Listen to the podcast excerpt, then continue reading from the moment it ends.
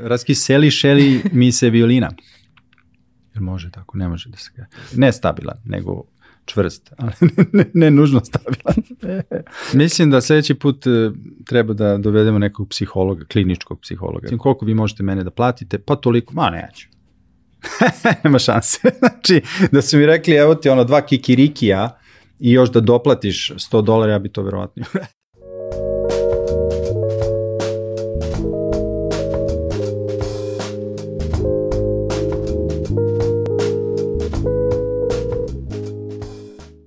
Zdravo, ja sam Aleksandra Petrovski.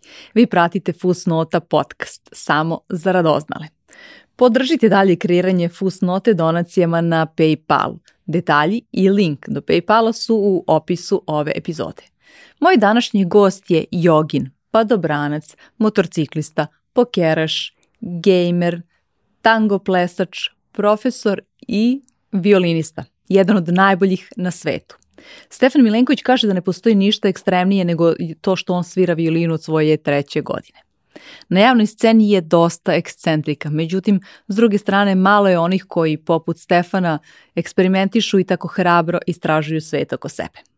Zdravo Stefane i dobrodošao. Hvala. Dobrodošao iz Novog Sada i što ovako sad malo nekako čudno i dalje, ja verujem i tebi kad ti neko u da. Beogradu kaže. jeste, jeste, pa da, mada moram da priznam da sam toliko puta Znači, sad već dolazio u Beograd da da mi prija kad ne moram par dana da, da dolazim iskreno, jer sad kad su krenuli ove vrućine i gužve, to je strašno. Znači, prosto treba puno vremena da se bilo šta uradi. A, a odrekao si se motor, Ducati onog, ne?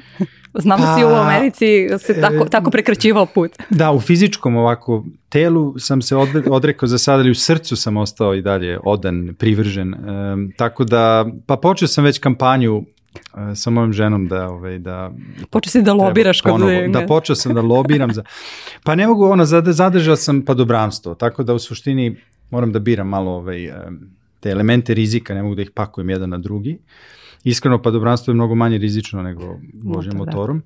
i nekako lakše mogu da objasnim ženi da to je ipak okej. Okay. Dobro, ali nju si tako izabrao zato što je... Okej, okay, neću na motor, ne, to je opasno. Nekako Dobar. kontekst je bitan. ali nju si, nju si izabrao isto zato što je ne ustrašio. Tako da... pa jeste, ona nije baš najnormalnija, ali sad, eto kao, ali da, ali mislim imamo sad dete i to. Ali da, ona ima skoro 100 skokova. E sad to je bilo davno, prosto je neverovatno da je to ta ista ovaj, osoba, jer mislim, sada je više i sa detetom i opšte i zajedno smo posvećeni tako, ali a, pre nekih deseta godina, znači ona je skakala isto pre 7-8 godina zajedno smo prešli celu Ameriku motorom i to ona na svom motoru i to uz neko minimalno iskustvo, doslovno samo da nauči kako da vozi, a ne, Joj. znači bez nekog drugog iskustva i onda je ono kao idemo, steći ćeš iskustvo usput, mislim, i doslovno nakon 7-8 hiljada kilometara stvarno čovek mnogo bolje vozi. Da, ali ok, mnogo se toga promenilo u njenom životu, tako da je iz te strane da, potpuno. Da, da, ma da, ma sve u svoje vreme, ali imamo taj avanturistički duh i uopšte volimo da istražujemo, ovaj mali je definitivno nasledio neke crte.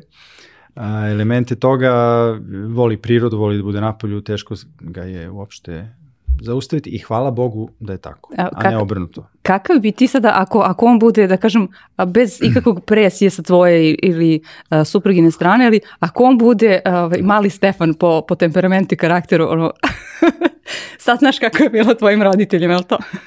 da. Užas. Žao mi je njih, žao mi je sebe i pre svega žao mi je njega. ali, pa ne znam, to je sve relativno, stvarno jeste jer neke stvari zaista se vide skoro odmah, znači sa nekih 9-10 meseci gledao je neki, neku njegovu omiljenu ono, na televiziji. I, ovaj, i počeo da vrcka ovako. I ritam mu se pojavio odmah, e, znači to je prosto nevjerovatno da to telo koji ima jednostavan sklop uopšte neuroni, mislim, ali je prepoznalo ritam i počelo da se pomera i znači ritam mu je neprikosnoven. Da to je ovaj posle melodija e, veoma je onako e, motorički nadar rekao bih. To je bilo isto primetno od početka da je sinhronizovan. Znači može levom kao i desnom i um, ali i karakter uporan je, tvrdoglav, da. veoma tvrdoglav, tako da da, to su neki, ovaj, neki problemi koje je izgleda nasledio. A, a s druge strane, drago mi je što je tako, samo treba sad izdržati ovaj, dok, dok nas on voza ovako još narednih 15-16 godina. da, još samo izdržati prvih 18-20 godina i posle, okay, posle lako. E, e, skačemo na druge teme. Sad dok si dolazio, e, ovaj, mada si imao čitavu turu oko Beograda, e, da li si, jesi vidio ovaj, billboarde po gradu? Svoje. Jesam, da, video sam pre nekoliko dana kad su krenuli, znači u ofanzivu, uh, kampanju za, za ovaj 21. juni. I super, mislim, iskreno ja nisam bio uključen u, niti u dizajn tih uh, billboarda i inače nisam uključen u tu kampanju osim uh, da gostujem tu i tamo kad treba, ali ovaj, mi se sviđa poster, sviđa mi se Meni billboard da. jer odskače iskače onako sa iz onog uh, generalnog vidi se vaša energija sivila. zapravo da, da, i, da, i sjajno mi je bilo ima nekoliko varijanti ali gde si ti da. otvori ustreko pa to, pa super. ja, Stefan Mlekić je otvorio usta, wow, to je otkačeno skroz. podcast, da, ovaj, zato što uvijek eh, prave se tu para, ta paralela, kada mm. hoćemo da kažemo za nekog gde nečije onako vatrene energije, uvijek kažemo kao on je kao rock zvezda. Ovaj, tako da sad ne znam da li je to, ovaj, da, čuo si zapravo, pošto si ti da. takav tako od uvek samo si brusio dodatno malo. Jeste, pa jeste. Da. To se nadograđuje, to mora da postoji neki element toga, nekad se to pojavi odmah, nekad je to rezultat e, nekog koloseka na kome vozite dugo, pa onda imate želju da izađete ove iz te neke kocke. Ja mislim da je to kod e, klasičnih muzičara najčešći slučaj u stvari, ko, koji provodimo dane i godine u stvari neprekidnog vežbanja sami najčešće i onda ovaj, posle se to kompenzira tako što se glupiram. Ali s druge strane, ne treba potcenjivati ni te originalne kompozitore, e, izvođače iz 19. veka, iz 18. veka, iz čak 17. koji su bili neverovatno kreativni, koji su isto tako osjećali potrebu da ne samo da sviraju za tu neku nekolicinu koja kao stvarno razume muziku, što isto mislim da je jedan mit do nekle, a, nego da zabavljaju ljude koji dođu tu. Da zaista čak jedan Brahms koji se može slobodno reći bio veoma konzervativan, a, ali njegovo odrastanje je bilo mm, kompleksno. On je svirao po uh, bordelima u Luci u Hamburgu, što mislim to nema većeg i goreg razvrata valjda. Ovaj. I on je tu svašta vidio. Onda bi svirao klavir sa 12, sa 13 godina, celu noć i polu pijan se vraćao kući u 7 ujutru. Znači to je teško razumeti uopšte šta to znači za neko, a bio je neverovatno osetljiv, čulan. I on u jednom trenutku kad je počeo da, on je bio veoma, kažem, odan toj tradiciji kompozicionoj u stvari nekako je se nastavio, nadogradio se na Beethovena. Ali on je smatrao za shodno da recimo svira između stavova svoje sonate, recimo tri ili četiri stava, da svira nešto ležernije, nešto zabavnije, jer je smatrao da je previše muzike da ljudi sede i slušaju sonatu bez prestanka, bez pauze, ono, u cugu. On je to. Znači, E, mislim da se klasika u jednom trenutku tu malo zatupila, da se malo, da je malo previše počela da veruje u sobstvenu legendu, da tako kažem. I naravno to se odrazilo, mislim da ono, potrebno je dvoje za, za tango, što se kaže, ovaj, da se odrazilo i na to koja publika dolazi, napravi se jedan taj krug nekog elitizma, ali se to promenilo u poslednjih 15... Ili nekada čak i kvazi elitizma. Da, Ma, da, to je da, da, ne... da, želja, da, Ovaj, um, to se promenilo u poslednjih 10-15 godina drastično, baš zbog toga što su organizatori uvideli da, da ne stvaraju novu publiku. Meni je, da. uh, mislim da je baš bio tvoj, tvoj kolega u pitanju uh, violinista sa, sa kojim je Washington Post, ako se ne varam, napravio mm. jedan eksperiment, uh, njegove karte, karte za njegov koncert i to onako... Na Joshua Bell, velik, mislim da, da u velikoj salama, da. da. E, mislim, znaš, znam ga lično, kao ne znam samo za njega. Da. Je ono što je svirao Saboju Čakonu, Tako recimo. je, da, e, to sam htjela da, da, da ispričam. I da. um, kako si se recimo naravno da, da, da ovaj, znaš za tu priču, ali kako si pomislio kao, ha, kao kako bih ja prošao u toj situaciji, ali si zamislio nekako sebe i koliko je to možda malo uh, na konto ovog e, priče o elitizmu i tako dalje, ako, ako kažem, e, ovaj vredi, i onda rasproda karte, ali u suštini istu tu muziku ako svira u, u onom metrou. Pa mislim da taj eksperiment, e, ako treba da budem baš iskren, nije e, ipak verodostojan, zato što vi stavljate nešto u jedno okruženje koje već inherentno nije za to. To je kao da uzmete, ne znam, kakav tekst iz ne znam koje knjige e, i najlepšu poeziju na svetu i da čitate u sred podzemne železnice u pet popodne u Njujorku kad ljudi zuje idu na posao. Znači to ne može imati taj efekt. Ljudi nisu na toj talesnoj dižini u tom trenutku. Neko može da stane, proviri, ali razumete. Kažu tako su da, klinci tada stajali jedino. Ovaj, pa neko da, su... da, ali prosto to je neočekivana, što neko rekao, za podobranstvo čak, kao iz, kok iz aviona je ovaj, neprirodan gest u neprirodnom okruženju. Jer ono letiš u avionu i sad to je već čudno i neprirodno, a onda izađeš iz njega. Iako ti govore da ne treba da otvaraš vrata. E, da, da, da. I ovaj, tako i ovo, e, tako da je relativno sad, istina je negde ipak na sredini. Da mi ako idemo e, na koncert, idemo s, sa... E, sa otvorenim srcem, sa otvorenim umom, imamo nešto što očekujemo to koncert, da li je visoka energija, da li je neki mir, da li je neka priča, tako da da, ako vi uzmete Bahovu čakonu koja je jedno, jedan monument eh, muzike i muzici i stavite je u mesto gde ljudi prolaze, idu na posao, vraćaju se umorni, ovo ono, mislim, nećete imati isti efekt, to nije toliko, to prosto pripada jednom drugom svetu u tom trenutku. Tako da sve je relativno, ali je činjenica da da da bi i čak i Joshua koji inače veoma veoma aktivan svirač, on se puno pomera dok svira. Znači čak bi on morao da iskače malo iz iz tog svog e, momenta gde stoji i svira to, znači da bi ljude uopšte privukao, jer u tom trenutku ljudi imaju druge interese. Znači, znači ti nisi ovo uh, tako uh, učitao, da kažem, kao, kao na neki način pa poražavajuće možda. Maja. Kao dođu i plati, možda bilo i oko 1000 dolara karta, ne mogu da setim, ali nije bitno. Ne, to je kao da kažete sad izađem i odsviram bilo šta, pet minuta na Stradivariju. I niko, ono, neko stane, neko ne. To nema nikakve veze. To, znate, tako da ovaj, ipak treba gledati, sagledavati sve u nekom kontekstu i sve druge činioce tu. Ali je činjenica da, da to nije muzika koja ima taj intenzitet da vas ono prodrma u ostalom. A, ja sam živao 10 godina u Njujorku i svašta sam video u metrou. Znači, svaki put nešto drugo i mislio sam Mislio ste si sve da sam video? sve video i onda da, vidim nešto.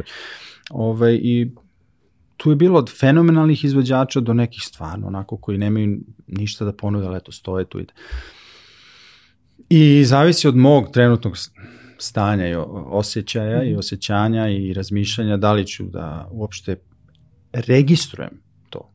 Znači, mogo je Joshua Bell u nekim trenucima kad sam bio raseljen i sam bio veoma usmerena ovaj, idem negde, imam nešto. E, mogo je onda svira tu čakonu, ja bih vjerojatno stavio i rekao, ovaj nije loš ali bi ga stavio u kontekst metroa i nastavio bi dalje. Mhm.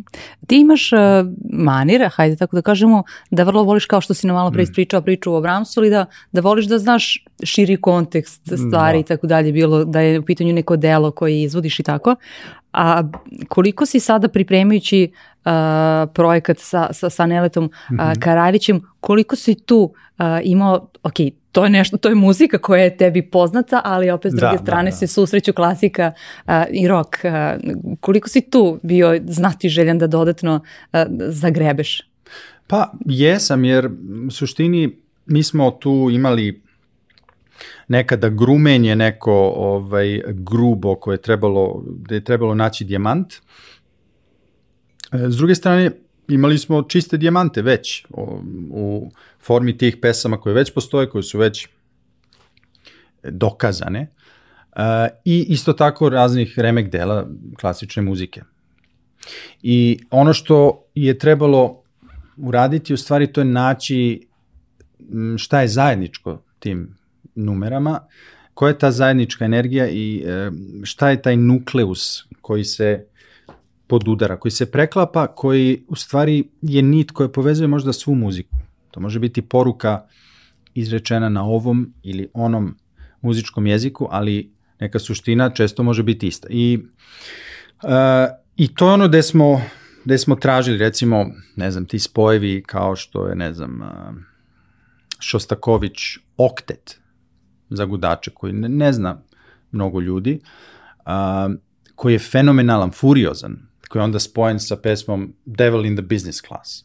I to se nekako uklopilo, ima tu sličnu energiju, e, jedno je nadopunilo drugo u stvari.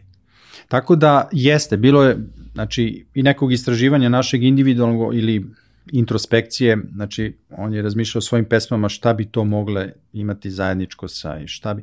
S druge strane sam ja gledao dela klasične muzike i zamišljao ih na neki drugi način. Čak sam nekad zamišljao i samo kompozitora šta bi mislio ili rekao kad bi znao da smo, je, da smo uvalili, znaš, ono, Labudovo jezero Gileta, šampion. da, li, da li bi se taj čovek ono, či prevrnuo sa stoli ili, ili bi rekao, ha, ovo mi nije palo na pamet, jer tad ta vrsta muzike nije postojala, ali to je sve okej, okay, sve je legitimno, jer ti ljudi su bili kreativci koji su obeležili da? ljudski, znači istoriju ljudskog roda. I kažem, ne treba ih podcenjivati u smislu e, znati želju, u smislu e, toga da se ne boje da, da urade nešto drugačije, nešto novo. Često su bili neshvaćeni, e, to što su radili nije odobreno u tom trenutku od tih nekih koji su tada misli da treba da bilo šta odobravaju uopšte. Ali to je, e, to je pečat većine njih koji za života u stvari su pomerali granice i ljudi ne vole promene, ne vole tako jake promene često. Ovaj, tako da, kad se sve to uzme u obzir, onda smo dolazili do nekih tih spojeva koji su stvarno i zabavni i e, tu nam je mnogo i zabavni i zahtevni, rekao bih, i naravno veoma efektni, a u svemu tome nam je pomogla puno Ana Krstajić, naša kompozitorka koja, a, koja je veoma versatilna, veoma naravno talentovna i koja onda uspela da prevede te jezike, u stvari da ih spoji, da se ti šavovi ne vide i ona upotpunjuje u stvari ce, tu celinu. Koliko je tebi bilo teško, bez obzira što nije ovo prvo tvoje iskustvo takve vrste iskakanja, mm. da kažemo, iz klasične e, reproduktivne muzike, ali e, koliko je sad tebi uh, bilo da, da dodatno, ra, kažem, možda možda kažemo razgaziš ovaj violina, ovo još niko nije rekao. da, da razgazim, ono, da raskiseli šeli mi se violina. Jer može tako, ne može da se ga... Kako god, ipak je, ovaj, je, je to tvoje da. mlađe, starije dete. da, pa... Pa da, s jedne strane da, s druge strane e, e, nismo išli, barem ja što se tiče violine i gudača, pošto će sa nama biti i uh, kao moj tim sa ove strane, akustični tim, e, bit će gudačka reprezentacija mladih izvođača, mi smo to nazvali tako ka, sa skraćenicom GRMI. Mnogo mi se dopada to genijalno, ako smem da kažem lično. Super je, da. Ovaj, slučajno, to sam nešto pisao i kao gudačka reprezentacija i svako slovo veliko, neki naslov. I mislim se GRM kao čekaj, e, grme, grmi, nešto i onda se znači koje su reći izvođačima. Ne interpretatori, to zvuči staro. Ovaj, ali nismo išli u eksperimentisanje sa onim što e, naši instrumenti mogu da urade. Zato što to pre, postaje nešto drugo i više nije ono što, što smo mi. Ipak, mi smo klasični muzičari, klasično trenirani i predstavljamo to. E, ali ima mnogo dodirnih tačaka sa energijom sa te druge strane, da tako kažem. E, tako da e, u nekim stvarima je ovo možda lakše nego recimo mm, razvijenje što sam radio pre, pa ima sad deseta godina, i, e, improvizacije na violini. E, jer e, to je za mene bio ono iskorak veliki iskorak i hteo sam da budem autentičan u, u tom izrazu i shvatio koliko stvari sa, sa svim znanjem i godine, godinama koje sam e, investirao u violinu, da u stvari ne poznajem toliko taj instrument da mogu da kažem bilo šta u bilo kom trenutku, prosto ima limitacije i recimo to je bio mnogo veći korak nego ovde što se tiče samog da kažem sviranja onoga što mi radimo na instrumentima, a s druge strane e, jeste m, jedno razvijanje e, tog izraza i gesta koji treba da se uklopi sa ipak sa bendom i sa neletom i da smo tu nas dvojica, a ne samo jedan ili samo drugi i da to sve izgleda organski, da, da niko nije u drugom planu, ni u kom smislu, i energetski, ni tehnički, um, pa ni kao suština, kao poruka, šta uopšte predstavljamo na sceni. Tako da e, to je naravno izazov, ali da nije toga svega Ja mislim da, da mi ne bismo ni ulazili u taj... Mislim da će ipak malo više ljudi gledati da. u nelete i kako sad ti imaš, kakav odnos imaš prema tome, kao nisi pa, sad ti figurativno prva violina. Da, da, pa vidjet ćete kako je to koncipirano. To je prilično balansirano u stvari, e, jer to nisu samo e, pesme zabranjenog pušenja sa Nalepljenom muzikom, da. Ne, jer to bi bilo to isto sam. I to se radilo već i pre u ostalom, a, i to u raznim drugim videojima, nego je ovo kombinacija gde e,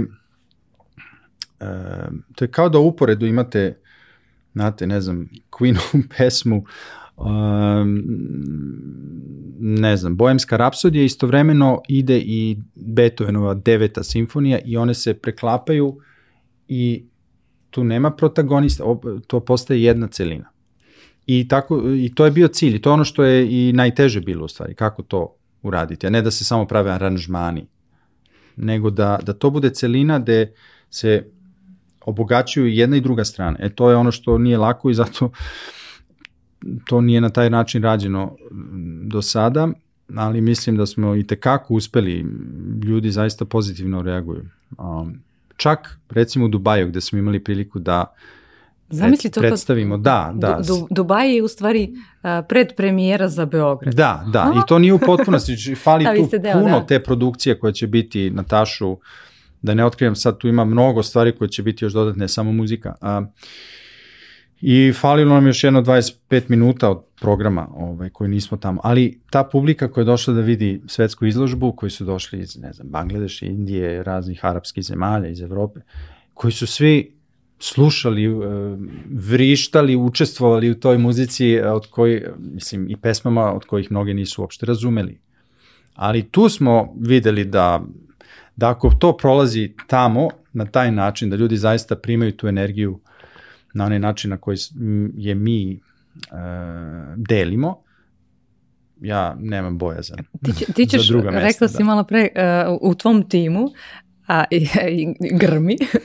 A, uglavnom, koliko sam videla su, su uglavnom sve devojke, ali um, ono što sam htjela da te pitam uh, je zapravo... Ili to je slučajno, sad... by the way. Ne, ne, ne. Moram da kažem, nije, zato što je, kad smo pravili, znači, ta selekcija, za, to je bilo za Dubaj, konkretno. I onda, prosto, to je procenat, to je na, uh, procenat u svetu između muškaraca i žena, odnosno devojaka i dečaka ko, koliko njih svira violinu, recimo, koji idu i velika većina, znači 80% su devojke, to je na svetskom nivou, tako i kod nas. Tako da, Vjerojatno da što su strpljivije i posvećenije, ali da, da sad ne ulazimo. Ne znam, tako je jednostavno, ako se um, pre nekoliko godina, izvinite što sam vas prekinuo sad, ovaj, ali na takmičenju Indianapolis, koji je jedno od najvećih na svetu, uh, došao sam tamo da sviram baš nešto kratko na otvaranju kao laureat od 94. godine. I, ovaj, i gledam onu knjižicu, znači od 30, e, od 36 kandidata koji su selekcionisani e, od ne znam koliko, preko stotinu njih koji su se prijavili i to, znači sve se samo sluša, ne gleda. E, 28 su iz Koreje i od toga 26 je bilo devojaka. I sve su odlične. Da, to je realnost, to je danas tako. I to je, oni, mislim, ja sam sad bio u Koreji pre mesec dana i mislim, neverovatno puno se ulaže i u klasičnu muziku i gudače i muškarci idu prosto drugom nekom putanjom, žene idu i To je fenomen, sve su fenomenalne. Kakav je sad uh, tvoj, tvoj odnos kao uh, u tom momentu kao sprema se veliki koncert koji se već dugo najavljaju mm. mesecima, uh, a vi još i pre toga ovaj, ga pripremate, uh, tvoj grad uh, i još plus imaš pored toga kao ono, de, uh, ovaj, devojke kojima si ti, odnosno ovaj, gudači kojima si ti na neki način mentor. Ili ima tu još nekog dodatnog da. pritiska, ok, kao drugo je kada ti, uh, hmm. ti sam izađeš na, na scenu, a opet Pa sigurno, mislim, odgovornost je sa obe strane. E, s jedne strane, e, oni koji su odabrani ili koji studiraju trenutno sa mnom, e, to je, to je zaista divno za mene. Nadam se jedna lepa stvar za njih, korisna. S druge strane su više pod lupom nego drugi. I toga moraju biti i jesu svesni i tekako, da imaju veću odgovornost, da god se pojave, da ih sada slušaju ne kao studenta violine, nego kao mog studenta i to podrazumeva da se ljudi ipak načulje više da vide šta je to sad, kako to. Ovaj, e, mislim, ja sam ono, prosto odrastao sa pritiskom i tako. E, mnogi mladi danas apsolutno nisu, nemaju razloga da, da žive s takvim očekivanjima i pritiskom, ali e, ja zato i biram određen profil osobe koji nije samo um, dobar muzičar, dobar violinista i violiniskinja, nego mora imati druge kvalitete kao osoba jednu određenu stabilnost, sposobnost isto da komunicira sa ljudima, da budu atraktivni, interesanti pre koncerta, posle koncerta, ne samo na sceni. E, vreme takvih nekih udaljenih muzičara i to, to je prošlo, davno prošlo. Tako da danas e, umetnik mora biti sve strani i mora imati malo E, sveobuhvatnu ličnost. Tako da onda jeste pritisak jer e, ja osjećam odgovornost da on izvuče što bolje, a, zato i posvećujem puno vremena isto njima i sa njima, da, jer bez toga ne vredi. Znači nije dovoljno da dođete na jednu probu i kažete tri stvari i odete. To jednostavno nije. E, nego tu ima mnogo stvari koje, koje treba sagraditi, ali kažem, svi su se oni razvili neverovatno i, i interesantno je videti kako se ko prilagođava e, i čemu.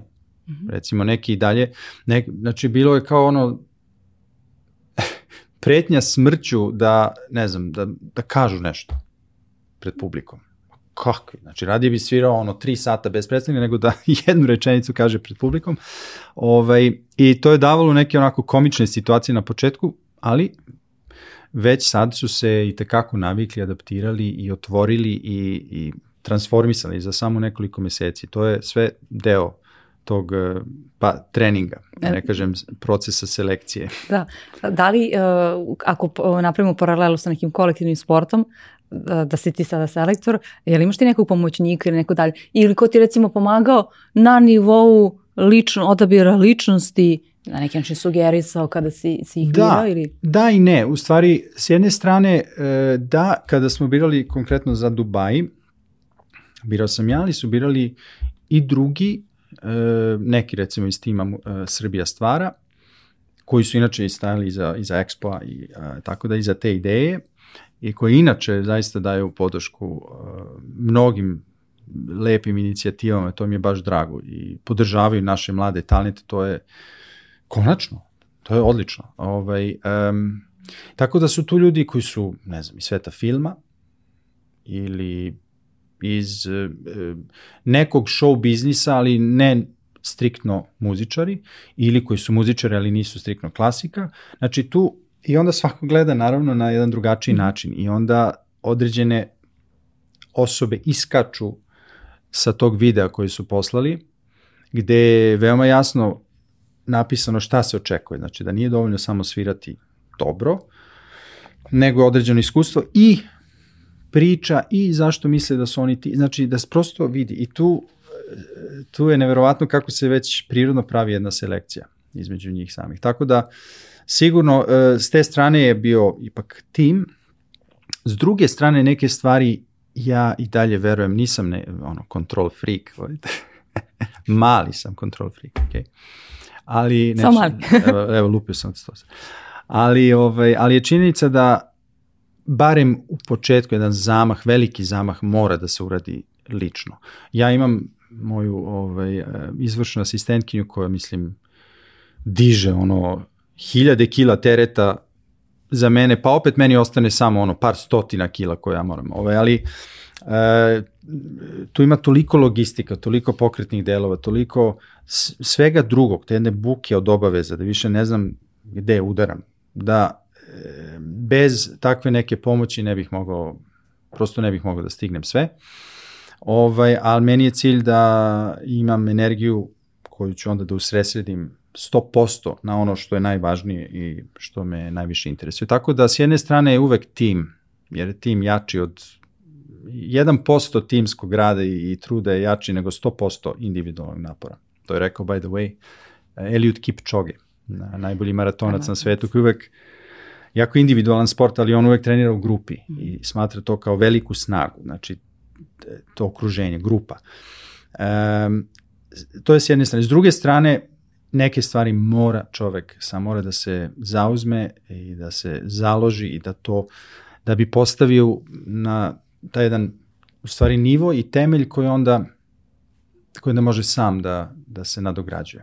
E, Kako si, meni je ostala upečatljiva rečenica tvoja koju si zapravo ispričao davnih dana kada si još otišao a, u Ameriku, a, da je nekako otrešnjujuće delovala a, na tebe rečenica tokom jednog predavanja da se neće dobre stvari desiti samo ako dobro sviraš violinu i upravo u kontekstu no. ovoga što, da. što si sada... A... Prva stvar koju sam čuo tamo, da, ono sa 20 godina. Je li to bio onako šamar uh, u jedan obraz po drugi obraz otrežnjenja ili...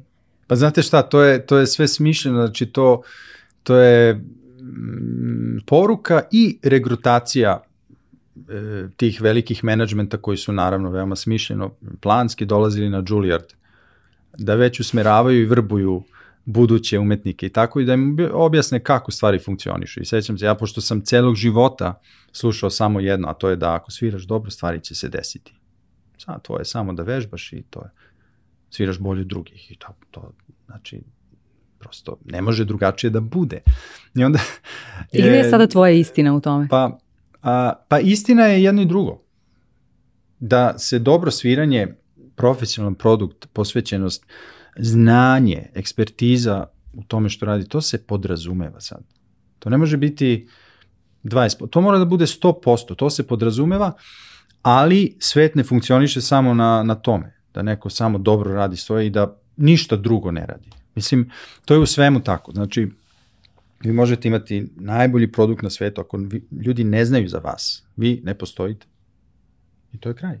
Druga stvar je isto um, ljudi. Da sve funkcioniše na ovaj ili onaj način sa drugim ljudima. Sami ne, ne možete. E, e sistem Sistem su i dalje ljudi. I vi možete biti fenomenalan umetnik, neverovatan instrumentalista i to, ali ako ne znate sa ljudima, ako ne, ne, po, ljudi ne mogu da se povežu sa vama, da se identifikuju sa vama, da dođu da čuju vas, ne samo to delo. Ima onih koji dođu da čuju samo delo i tog nekog koji će da izvrši to delo u tom trenutku. Ali većina ljudi dolazi da čuje, ne znam, Icaka Perlmana, bez obzira šta svira pa neki dolaze verovatno da čuju mene, bez obzira šta sviram. A sviranje mora da bude dobro i mora da bude potkovano svim drugim stvarima. Tako da, znači i to je veliki element. To je ono što objašnjavam i studentima da nije dovoljno samo dobro svirati, jer onda postajete samo jedna radilica u svetu muzike i uklopit ćete se u tako neki ambijent, da ste samo jedan točkić. Ali ako i pretendujete na bilo šta više, onda morate biti više. I sve je to realnost. E sad, nekima to ide veoma prirodno. Za mene je to bio proces da uopšte prihvatim to, pa da počnem, pa sam pravio hiljade grešaka, pa nisam, prosto nije mi to bilo ovaj, prirodno, ali, ali sam konačno u nekom trenutku sam naučio nešto, pa... Mada, ali, ja, ja sam gledala jedan intervju na ovaj, YouTube je čudesan. Gledala sam jedan intervju iz 95. Šta je YouTube? Ne, da. jedan to intervju, tada si imao 18 godina, da, iz 95. Uh, osim što uh, bio si prešarmantan, priča si čak i na italijanskom malo sa Norkom, to je vreme kada, kada si, da, praktično tek otišao, bio si neko vreme u Italiji i vrlo iskren rekao si grad u kome živim mi se uopšte ne dopada, ali ono što mi je bilo zabavno recimo uh, između ostalog uh, da, da si bio i futbolski golman da, da. Pored Pa- svega, to je taj ko- kolektivni ovaj, timski duh si gradio u tom periodu. Mislim da sledeći put e, treba da dovedemo nekog psihologa, kliničkog psihologa koji bi me ovaj, mnogo lakše definisao. Jer sam imao, jednostavno meni je interesantno da radim stvari sa rukama. Upravo ono što ne bih smeo. I sad od, od pikanja lopte, meni to nije bilo nešto interesantno, ali da ja hvatam ovako rukama, to mi je bilo super. I znači svaki, ono, tri dana sam nabijao prste. pa onda posle kickbox. Pa sam ja to sebi objasnio da Ne, ali ti kad staviš zavoje, to je okej, okay, to stabilizuje ruke. Da, to. da. Nije, vreće, okej, okay, to, mislim, i tako, ali ne znam, ovaj, mislim da je to ono neka fascinacija sa onim stvarima koje ne bi, ali ne zbog toga što ne bi trebalo to, nego prosto sve ono što radim sa, sa prstima mi je mnogo interesantnije. Recimo, ja se sad, ne, neverovatno sam se napalio na, na,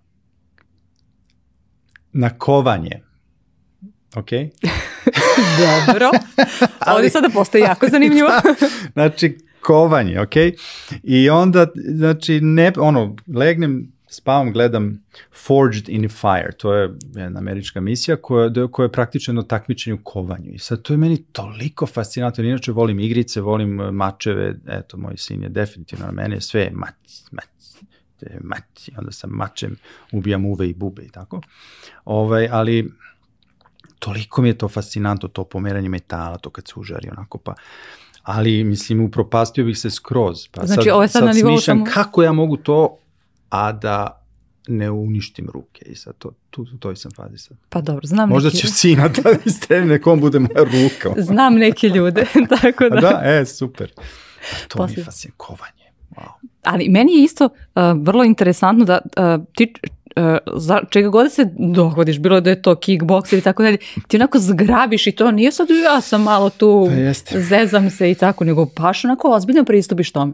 I ti si i ozbiljne triatlone imao i tako, ne u poređenju Da. takve ovi, zahtjevni kao, kao tvoj suprug, ali i ozbiljne triatlone i vrlo si cenjen u Americi kada je sambo u pitanju i tako dalje. da, to je bilo nevjerojatno. Bio sam s- Američke sambo asocijacije. Stvarno. Zvali su me ono malo, malo pa neki iz vojske, recimo američke, ovaj, kao ja bih da treniram. Jer to je tad bilo onako nedokučivo kao taj sistem ruski.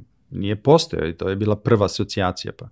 Da, čitala Ovaj- sam da si, dosta, da si u prvoj godini kada si bio profesor na Juilliardu više novca zapravo ovaj, za, Da. zarađivao kao instruktor nego, nego kao ovaj, profesor Pa nastavnik. da, jer, da, jer sam imao neki šest, sedam đaka u sambu, kombat sambu. U stvari to je kombinacija između kombat sambo i samba i sisteme.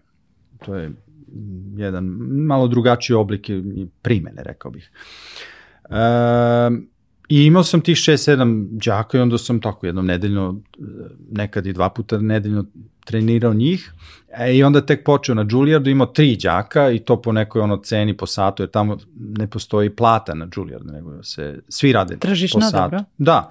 E onda je sledeće godine to skočilo sve, mislim, počelo da ima smisla, ali na samom početku je bilo prosto ovaj, da sam se pitao. Kao, Kako taj tvoj ego reaguje u tom trenutku? Bez obzira što ti dosta radiš na, na svom egu, ali to je primetno, ali Da, pa, kako u tom trenutku, nevezano sad za, za- ostatak ovih, ovih sportskih aktivnosti? Pa znate šta, većina eh, onih koji su na Juilliardu, što profesori, što i studenti su tamo zbog brenda Juilliarda. Tako da si ti srećan da imaš ikakve veze sa tom školom i sad otvorio si vrata, tu počeo da predaješ, prvo sam počeo da predajem za Dorothy Delay, odnosno sa njom, i imao deset đaka njenih, to je bio jedan paket kao trenažni e, pedagoški paket, e, sad te 22 godine tada. E onda upoznao um, Perlmana, e, pitao me da predajem u njegovom tom letnjem kampu. E, jedno leto sam proveo tamo te tri nedelje, od šest ukupno, e, i onda me pitao da li bih želeo da budem njegov e, asistent na Juilliardu i onda sam prihvatio. I sad, mislim, zamislite kako bi to izgledalo, nije mi palo na pamet da ovaj, on kaže da li bi ti hteo da budeš moj asistent na Juilliardu, a ja kažem "Ma koliko to košta, mislim koliko vi možete mene da platite, pa toliko, ma neću.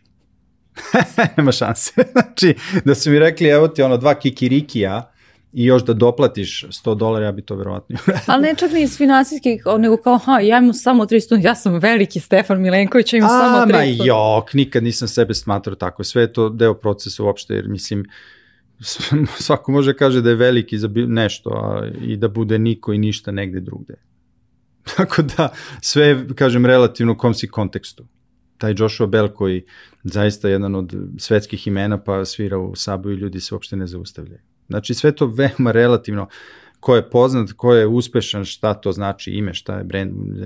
I tako da u tom ja sam bio klinac i da, imao sam svoju karijeru u jednom delu sveta, ostalom i e, i priznatost čak i na tom Juilliardu u jednom segmentu, e, a ovde sam tek ipak počinjao i na taj način i, i dobio tu čast da da predajem sa može se reći najvećim violinistom na svetu. I za njega i sa njegovim studentima da radim koji su bili fenomenalni. Pozivam. I to je meni bilo, apsolutno se uklopilo u možda u, u ovaj, tu viziju da sam ja nešto posebno nije mi palo na pamet da sam se ja spustio zato što sam krenuo kao sa 300. Mislim, to se tako i radi. Počinje se sa odebranim studentima, sećam se tačno da je Dile govorila, e, pa sam čuo to posle od Tobi Perlman, njegove žene, s kim bi trebalo da počnem da radim, ko je podoban, ko nije, ko je još malo i rovit, e, ko je stariji od mene, ko nije, znači sve to igralo ulogu, to su neverovatni, inteligentni e, ljudi, gde ništa nije slučajno. I onda bez obzira što su oni mene videli i probali na neki način, ali neće, nisu mi dali baš bilo koga odmah. A onda sam godinu, dve kasnije radio sa ljudima, mislim sa e, studentima koji su imali tekako karijere, razvijene karijere već, ali u početku moraš da, da, da vidiš Kreneš kako malo, ko da. reaguje. Da, mhm, -huh. da. Mhm. Kako ostao mi Perman reaguje, on nije imao tada asistenta nekog. I nije svako komotan sa svakim. Znači sve to ima prosto jedan, jedan period uigravanja, zagrevanja, e, posmatranja, sazrevanja, normalno. Sjajna mi je bila jedna tvoja rečenica da možda nikad nisi uvek znao šta želiš i šta hoćeš, ali si uvek znao ko jesi. Ove, ovaj, zapisala sam je, kotovaću te. Jel se smeješ sad mudrom sebi ili? Neverovatno sam mudar baš ono, sad ću da zapišem to, jer sam zaboravio totalno da sam, Vero, evo, sam to rekao. Zapisala sam ovde. da. Verovao sam šta jesam ili bar šta sam mislio da jesam, a šta hoću se menjalo. Pa da. Pa jeste to, mislim, jer ta neka suština, nagon, e, ne u to, tom smislu ega ja sam veliki, ali prosto samopouzdanja. E, tog nekog da, da u bilo kom trenutku mogu da ako se okrenem prema sebi, vidim mm, resurs. Vidim resurse. Treba da zapnem, da se koncentrišem, da, da dam ekstra energije, da dam 100%, 150%, da, da ne popust... E, e, znao sam da to imam, pa u tom smislu da, uvek sam znao šta imam, da uvek mogu na to da se oslonim, bez obzira da li će rezultat biti 100% uspešan ili Možda ne, sve, mislim, ne, ne budimo se svaki dan isto, nismo uvek spremni na isti način. A šta sam hteo, to se menja, mislim, hvala Bogu da se menja, jer e, nikada nisam razumevao one koji nikad nisu promenili mišljenje o nečemu. Da nije to zastrašujuće. Da, ali s druge strane ti kažeš da si ti vojnik violine. I meni je to isto da. nestvarno. Pa ja sam vojnik mekanog srca, ovaj, umetničke duše. E, pa, znate šta, u mojoj familiji je pet vojnih lica bilo ili jeste i dalje i to prilično visoko, na visokim pozicijama. Deda je bio pukovnik avijacije, bio je da. vojni ataše u Ankari, a, bio je načelnik aerodroma u Mostaru, a, drugi Vladan Kosić, a Vladan, ovaj, bio je komandant naše eskadrile helikopterske ovde u Srbiji do nedavno, sad je u penziji. Pre toga njegov isto, istoj familiji, znači sa moje majčine strane. Deda, ovaj, pukovnik je bio sa očove, znači iz Toplice dole. A sa majčine strane su iz Valjeva i isto je bio načelnik SUPA, četvrti radio u industriji naoružanja, peti na... Tako da i meni je taj mentalitet prosto urođen. Ja sam odrastao tako, sa jednom nekom Voličnom urođenom... disciplinom. Pa da, i ta struktura i to, mogu da vam kažem da se to ceni. da se ceni, jer uh, stihiju može imati svako, ali ne može svako zauzdati svoje emocije nekada, neke nagone i biti, ostati disciplinovan. I to se vidi često u klasičnoj muzici, recimo zemlje koje su veoma uspešne, koje nekako po procentu imaju više e, ne, ne možda i viši standarde, više dobrih orkestara, organizacija. To su često zemlje koje su možda na prvi pogled manje burne, e, ali imaju veću postojanost i disciplinu, barem u klasičnoj muzici. To je absurd, ali tako je. I tako da najbolje kombinacija, recimo latini su fenomenalni generalno, ali treba im disciplina. Bez toga Ništa. I isto i mi, Balkan. A, a ti si rešen da, da zapravo da. Po, da, na neki način napraviš ono što je Koreja sada u, u, kao, kod gudača da, da ovaj, napraviš. I to je ovako vrlo, imajući u vidu ovaj da. moment koji si ispričao, vrlo ovaj, sna, hrabra izjava i pa tvoja rešenost. jer, da, jer sam video I svi ti verujemo nekako. Pa video sam ceo proces, zato ja to lično radim, jer mislim da, da moram, u stvari i hoću. Um, A može, samo tu ima mnogo drugih elemenata, ne znam da li će, jer mislim, Koreja je deset svetlosnih godine ispred većine drugih zemalja po standardu. Zaista, oni tamo ne znaju više što, znači, toliko su razvijeni, imaju hiljadu sala nekih samo u Seulu. Svi sviraju neki instrument, znači i svi dobro sviraju. Prosto nekad je bilo da ti, ako si bio na Juilliardu, da ti to otvara vrata u Koreji. Sad je obrnuto. Sada, ako si iz Koreje, može. Da, znači dolaze u Koreju da studiraju, su oni prešišali standard od čak možda i da rekao bih. I tako da, e sad, drugo je podneblje, drugi je mentalitet, ima mnogo drugih stvari, drugi je sistem, ima prepreka, ali, ali može. Mislim da je bitno da se postave određeni modeli, da i drugi vide da, da može i e, da se sarađuje i sa drugim profesorima i ustanovama.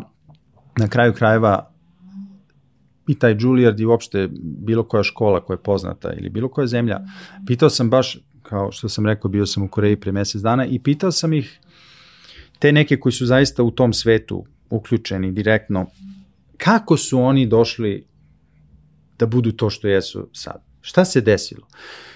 I svi kažu praktično dve stvari. Znači, Sara Cheng, violiniskinja koja je postala popularna a pre toga Kyung, Kyung Chang, ali Sara Cheng je ta koja je inspirisala brdo mladih da krenu da se bave muzikom. E onda je tu krenuo talas. Onda se pojavila ta jedna Mrs.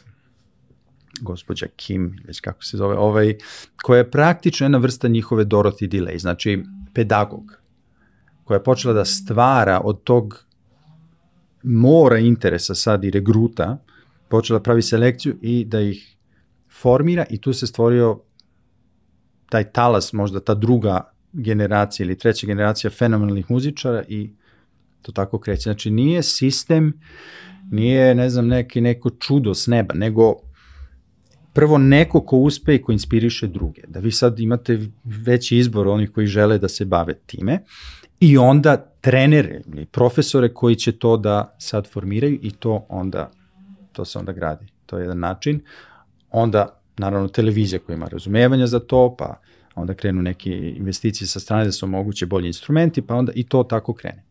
Znači, zavisi od ljudi, e, ne od, zbog toga što Koreja ima neki urođeni, ne znam, koji finansijski ili politički sistem koji omogućava da klasična muzika cveta tamo. Ne, ne nego baš ti ljudi koji su povukli u jednom trenutku. Da. I koliko si ti sada, uh, ja nekako imam utisak da ti vrlo vrlo jasno imaš čitavu sliku uh, u, u glavi, koliko korake imaš pa možemo da kažemo isplanirane. Pa vizija je najvažnija. Strategiju. Da. Vizija je najvažnija, a planove prave drugi na neki način i planovi su sitni.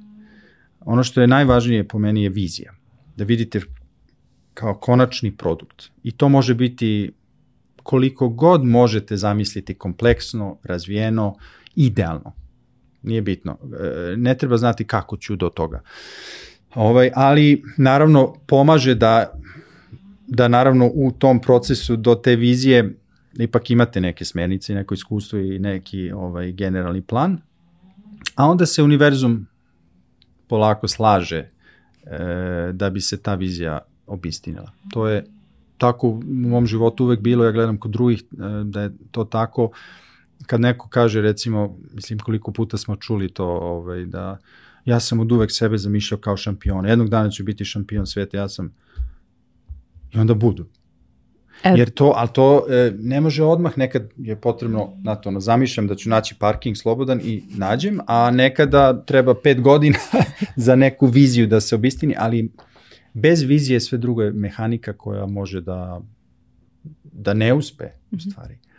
Ali sa vizijom, crta nije ravna, naravno, može da ide u cik-cak, pa nekad malo i unazad, korak unazad, ali sve se pomera prema toj viziji. Tako da to je važnije nego neki individualni plan. A onda vi počinjete da privlačite i ljude koji e, koji su na istoj talasnoj družini, koji, koji dele istu viziju možda.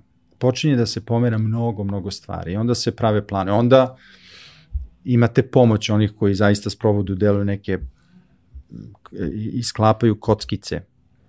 I sve se to onda počinje pomerati. Tako da da, u tom smislu imam prilično jasnu viziju, neke stvari znam tačno kako ću, neke ne znam, ali onda pitam, nemam problem da, da pitam, sve može, samo za, zahteva individu, individualni angažman.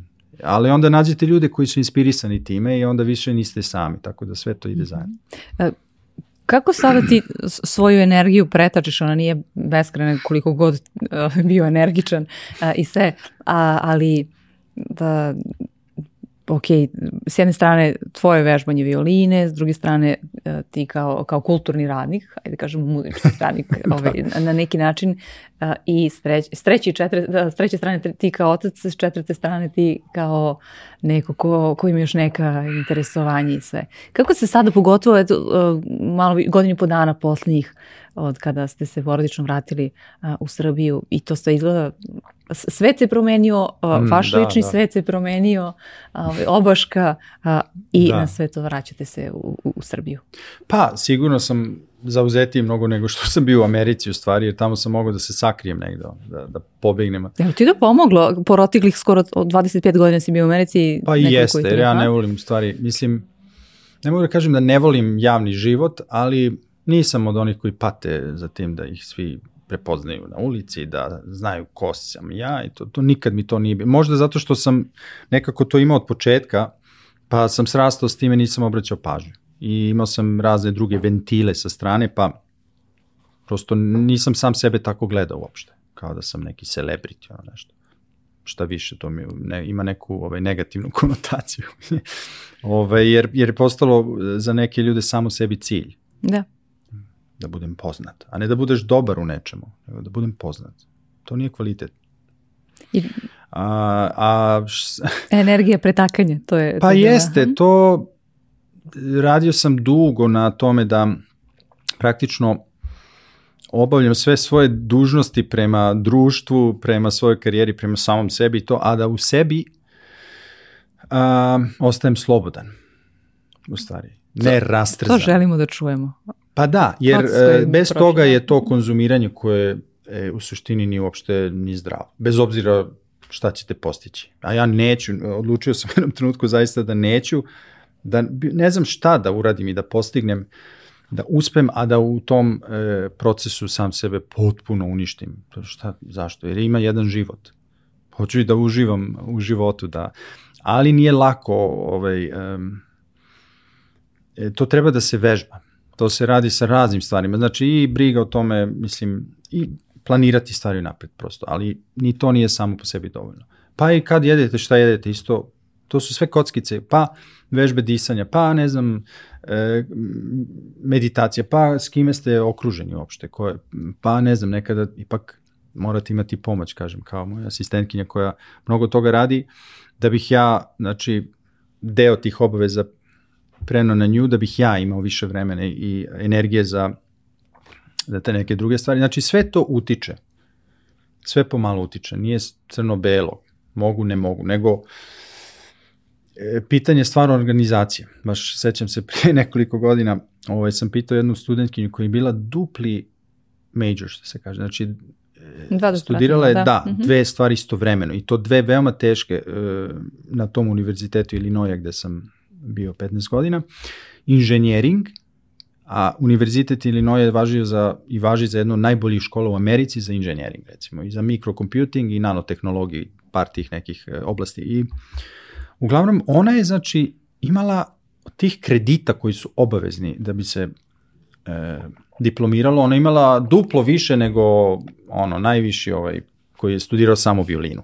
I opet je zvučala bolje nego mnogi koji su imali samo violinu, koji su se prenemagali i joj, nemaju nikad vremena. I...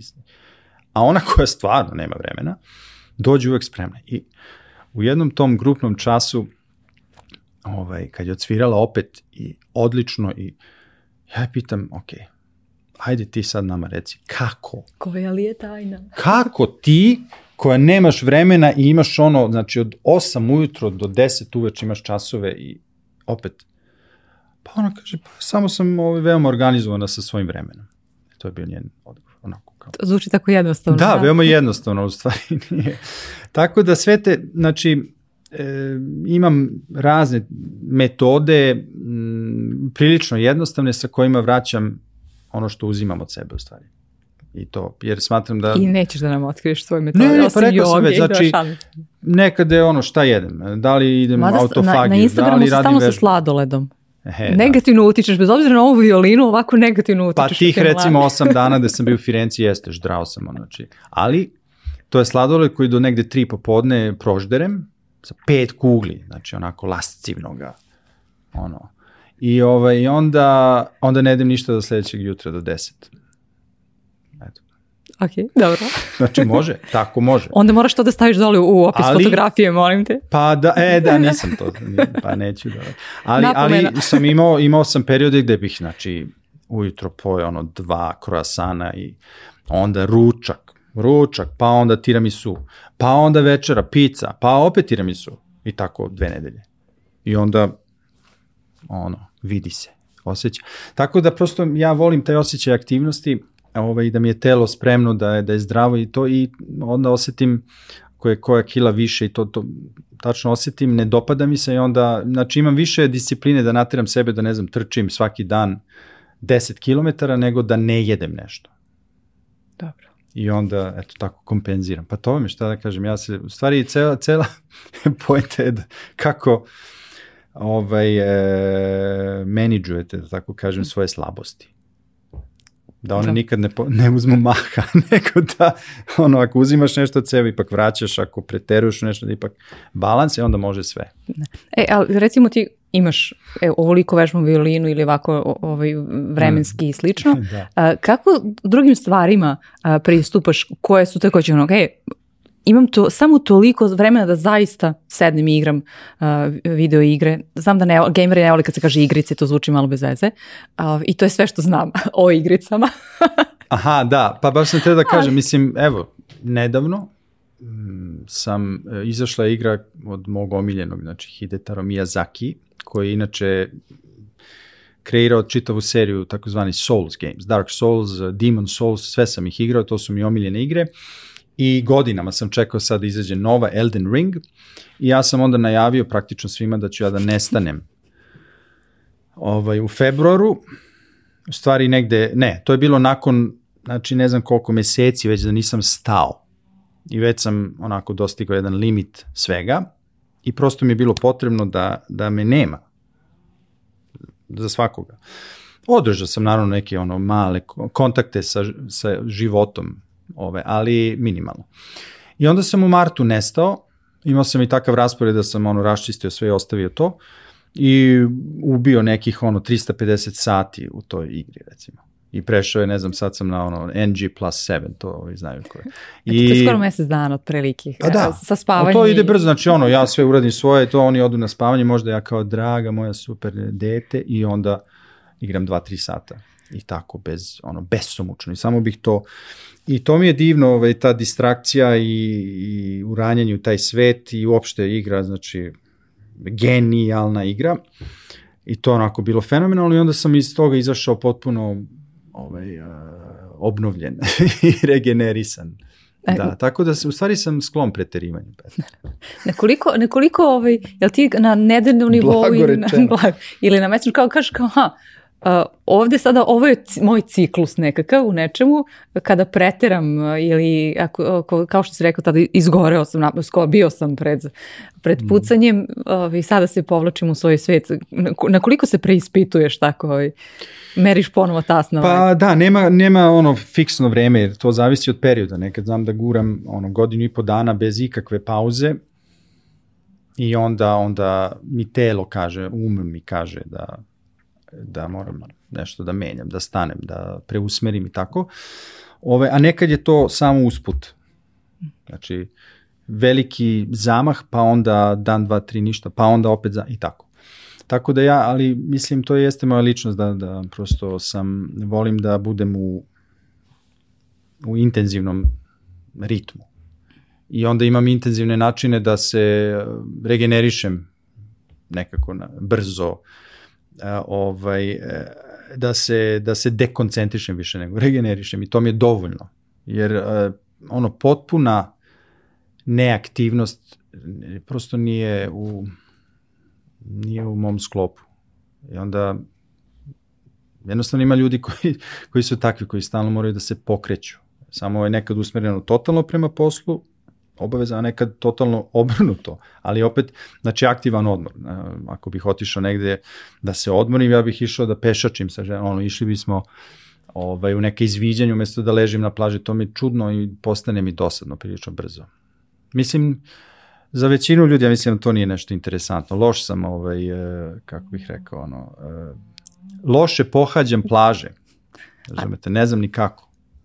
U tom momentu dok trčiš ili dok hodiš, a, jel tada ono, razmišljaš o, o, o violini ili o takvim obvezama koje, koje te čekaju ili kao, ha, samo sam prepuštena ovo? Pa nekad da, nekad ne. Nekad, recimo, i padobranstvo tome toliko zaokupi da prosto ništa drugo nije bitno. Ovaj, samo proveravam opremu, tu sam sa, sa društvom i izlazak iz aviona i samo to postoji. I to mi je fenomenalno. Ovaj. E sad kad se trči, onda imate više vremena, pogotovo ako, ako trčite na malo duže staze i onda naravno misli mogu da se roje, ali ipak ne, nema postojanja bez tela. E, sve je deo celine. Um, telo, duh, duša, e, sve to mora da, da radi zajedno. E, tako da samo koristiti telo bez glave nije normalno. Samo koristiti glavu bez tela da se uopšte ne brinemo. To isto je nemoguće. Smiriti mozak, a da vam je telo nervno, to je nemoguće. Tako da i u raznim disciplinama gde se radi na tom nekom skladu e, celokupnog sastava našeg postojanja, se ne izuzima telo, ne, ne izuzima se um, ne izuzima se dah, sve je to deo celine. Tako da onda da, čim telo radi vi nekako vaš um deo barem jedan uma prelazi, prelazi u to telo, ta svest prelazi u telo, tako da manje imate vremena da vam se roje misli. To, to je isto terapeutski. Jedan, jedan od osnova joge, da. Ove, da li postoji pitanje e, koje ti ne niko postoji. nikada nije pitao? postoji. A ti bi baš volao da pričaš o tome. Ba, e, baš bih voleo o tome, da. Ne, pa ne znam više toliko... Ovaj, Svašta su te pitali. Jeste, da, da. I ti si vrlo otvoren da, da govoriš, ali postoji nešto što ti onako baš voliš da pričaš o tome, a, a niko te ovako nikad u javnom životu ne pita. A, a okej okay, da pričaš. Ne, mislim, Dajem ti ovaj, priliku sada. da, pa da, ono šta jedeš za doručak. Eto, to me niko nije pitao, a odgovor je plazma. Volim plazmu. Dobro. Eto. Ne, stvarno ne znam, toliko toga je već da ovaj, e, nekada se desi da, da neki ovaj da da neke odgovore više pošto su slična pitanja, ali moram da da pohvalim vaše pitanja da su Ja, mi smo se dogovorili da ćeš da ćemo na ti da pričamo, Jeste, a to je vaše, mislim. Vas je nekoliko. Um, ja nemam asistentkinju još da, tako da, da sama da, sam ih smišljala. Tvoje, ovaj, da, su, da su interesantne zaista i drugačije i ostalo mi to jeste jer kada su striktno o nekom događaju koji predstoji ili o nekim stvarima koje svi znaju, to onda onda su strikt, mislim, nužno i ti odgovori veoma slični svi. Jasne, Ali čim da. se ode malo sa te utabane staze, ima tu mnogo interesantnih stvari, onda se i taj razgovor račva, tako da ovaj, hvala vam za, za to, što nije bilo onako prava linija. Uh, ovaj, uh, gledala sam taj, kažem ti, tvoj sjajan intervju 95. godine. Ja, verovatno, zbog, zbog frizure ti ne, ne želiš da gledaš ovaj, tada, ali super si pričao si o devojkama i tako dalje, tako da će možda i Gorica ponovo poželiti to da pogleda. Uh, Elem, tu si rekao, pa kao, ja da mi nije ove violine, šta, ništa od mene ne bi bilo, otprilike tako. Pa tako, to su meni moji roditelji govorili. Kaže, hvala Bogu da ti te violine, inače ništa od tebe ne bi. Ovaj, to je tačno. Pa posle sam ovaj, shvatio da je to verovatno istina, pa sam se posvetio malo sebi, da ipak e, u slučaju da mi nije te violine, da stvarno ovaj, ostane ipak nešto neka osoba. E, htjela sam, ovo je bio zapravo uvod uh, u pitanje koje postavljam uh, svakom gostu, a to je bez kog znanja ili bez koje vištine ti ne, osim violine, ti danas ne bi bio ovaj Stefan sa kojim ja razgovaram bez kog znanja i koje veštine. Uh, pa, možeš i osobine, recimo neki gosti su. A upornost. Tako, to nema. Mislim, upornost i mentalna ovaj, čvrstina. Ko je u suštini Stefan Milenković? Pa evo to, znači neko ko je uporan i, i mentalno prilično stabilan, ovaj, ne stabilan, nego čvrst, ali ne, ne, ne nužno stabilan. ovaj, e, pa, e, ali da, to je, baš sam pričao baš u Dubaju sa Novakom uh, Đokovićem i kao koja je ta jedna karakteristika šampiona i on isto kaže ako treba da sažme, jer sa većinom tih nekih karakteristika većina ljudi ne može ni da se identifikuje. Um, ti ono besomučni trenizi i briga o tome šta jedeš, šta misliš, s kim si, e, grupa oko tebe koja te trenira, znači to je život koji zaista većina nas ne može ni da zamisli, ali ima neke karakteristike, ako kaže treba da izdvoji jednu, to je ta sposobnost da se oporavljamo od, od neuspeha u stvari. Da se regenerišemo. Neke da, pa da se ne regenerišemo, da se oporavimo od neuspeha, od nekog pokleka negde, jer to je neminovno i kao što je rekao trener um, Conora McGregor, inače borac UFC, ja volim te borbe da gledam, od uvek sam od prvog onog, ono, 90 neke, da, kad je bio ono Royce Gracie, znači UFC 1, ono, UFC 2, tako. Ovaj, um, rekao je ono, mi pobeđujemo ili učimo. Nema treća varijanta, nema gubljenja, nego we win or we learn. Nikad poraz uvek lekcija u stvari. Da, tako da je bitno e, zadržati taj jedan e, zdrav pristup prema prema stvarima koje nam se dešavaju, jer to ne možemo da, naravno, da biramo, ne možemo da utičemo na sve ono što nam se desi u životu, ali uvek, uvek, uvek imamo izbor kako ćemo da reagujemo prema tome. To smo mi, to, za to ne možemo kriviti nikog drugog. Stefane, hvala ti na ovom razgovoru. Da bi se na koncertu bilo kako valja. Ja imam sastanak za 16 minuta, ne znam da li ću stići. Ono, zato... stižeš, stižeš. Hvala ti još jedno na izdvojenom vremenu. Hvala, hvala i vama na pozivu.